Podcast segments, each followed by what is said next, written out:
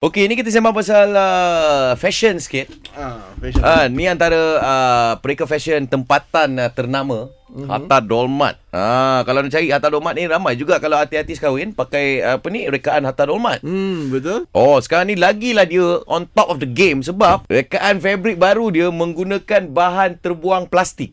Ha ah. Kan kita ada masalah dengan isu plastik ni. Betul. Kan? Jadi Hatta Dolmat ni ada solution.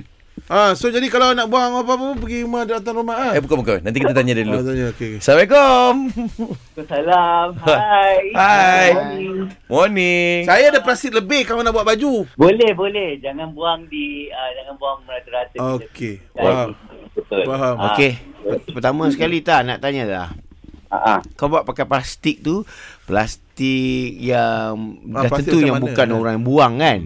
Ah, ah, bukan, bukan. Sebenarnya plastik tu adalah plastik yang macam dikumpul, dikumpul, dikumpul-kumpulkan, diproses sebenarnya. Ah. Plastik yang plastik sampah-sampah yang kita buang tu, Ah. plastik tu dikumpul, Hmm. dikumpul, dikumpul dan um, dikumpul, diproses sebenarnya. Bukan plastik tu terus dijadikan baju tak. Dia ada proses-proses-prosesnya sehingga menjadi kain. Oh, I see. Bukanlah dia bukanlah terus uh, baju tu terus jadi kak di terus tu baju jadi baju apa ni plastik tu dia terus uh, dia ada kilang yang membuat uh, prosesnya mencairkan memecahkan Mhm. baju Faham. tu. Ah, Dia maknanya uh, da- daripada uh, plastik ni boleh dijadikan fabrik lah.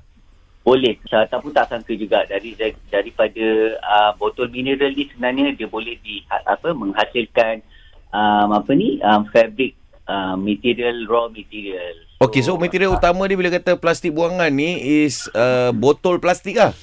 botol plastik botol Okey. plastik. Oh, botol plastik. Dan bila dia, dia, dia jadikan fabrik, adakah maksud dia jadi fabrik tu dia terus jadi dalam bentuk kain ke ataupun benang tu? At- macam dia dia membuat apa ni dia mengurai jadi benang dan Oh. oh. juga di- dijalin menjadi apa ni kain menjadi Oh. sehelai kain cotton macam, macam kain cotton kalau tengok dulu Main dia dapat macam. kain. macam kain cotton eh.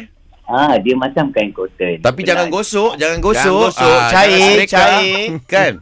ah dia ada campuran dia lah macam like, um, uh, 40% um, kandungan polimer Oh. oh. 60% kandungan um, cotton Ah, Okey, okey, dia macam okey. tu. Okay. Dia ada lah proses-proses dia ni man. So- Kebanyakan orang lah yang tak tahu eh. Aku nak bagi tahu dengan korang Okey, okey, Termasuk okey. dengan Atta lah Lah, eh. okey, okey. Ah, Fashion designer Okey, okay, nak bagi okey. tahu. Okey, ni. nak bagi tahu saja. Baik ni, Okey, baik silakan, ni. Ray, Bagi silakan, tahu Ray. ni, bagi tahu. Okey, ah, proses untuk membuat baju hujan eh. Daripada plastik dalam sampah. emergency.